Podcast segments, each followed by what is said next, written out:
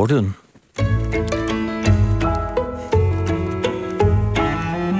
De column van Sana Valjulina. De werkende klasse eist. Een paar jaar geleden kwam er een roman van mij uit in Rusland. Bij het pers klaarmaken kwam mijn Russische uitgever met een verzoek. Of ik de schuttingwoord daaruit wilde halen en de naam Allah vervangen door de naam van een ander opperwezen. Zo niet, dan moest het boek, in het eerste geval, verpakt worden in een plasticje met een sticker boven de 16 erop. Het tweede geval betrof de kwetsbaarheid van de gelovigen.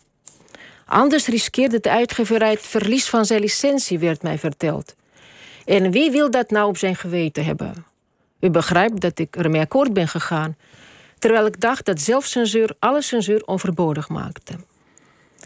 In de goede oude Sovjet-tijd had je behalve de goede oude censuur nog een partij van betekenis die geregeld zijn stem liet horen. Niet alleen in politieke, maar vooral ook in culturele kwesties, die natuurlijk ook weer politieke kwesties waren.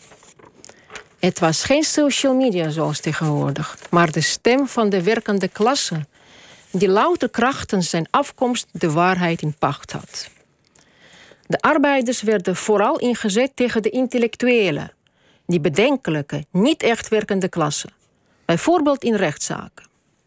De werkende klasse sprak dan schande van de gedichten, verhalen, uitlatingen, stemmingen van een dichter of een schrijver, ontmaskerde het anti-Sovjet karakter ervan en eiste bijpassende maatregelen.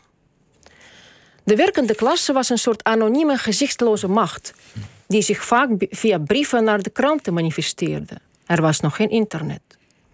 Maar soms kwam er een arbeider in vlees en bloed op de proppen.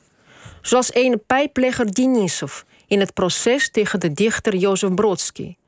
Die zijn morele verontwaardiging uit over de verdorven dichter, van wie hij overigens nooit een letter had gelezen. Maar terug naar de zelfcensuur, die uiteindelijk alle censuur overbodig maakt. En naar mijn déjà vu, naar aanleiding van de ophef over een beroemde dichtbundel die door een beroemde schrijver vertaald zou worden. Los van de vragen waarom per se door een beroemde schrijver en welke biografie die schrijver dan moet hebben om een beroemde dichtbundel te mogen vertalen, vraag ik me iets anders af. De Kees Amanda Gorman is namelijk een matryoshka. In elk poppetje zit weer een ander poppetje. Ik vind vooral één poppetje interessant. De sensitivity readers, die de uitgeverij van plan was in te zetten, gedreven door louter beste intenties. Bovendien, ze doen het toch in Amerika ook al. Hoe moet ik me deze noviteit voorstellen? Is het een soort commissie bestaande uit een zwarte persoon, een Aziat, een Jood, een en non-binair en persoon met een beperking? Ik ben vast iemand vergeten, mijn excuses hiervoor. Een moslim komt er waarschijnlijk niet in.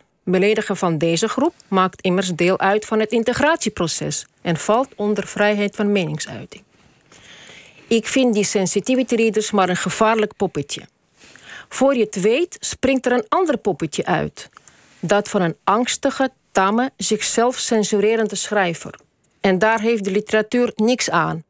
Want, zoals een Russische dichter eens zei... van kussen alleen krijg je geen kinderen.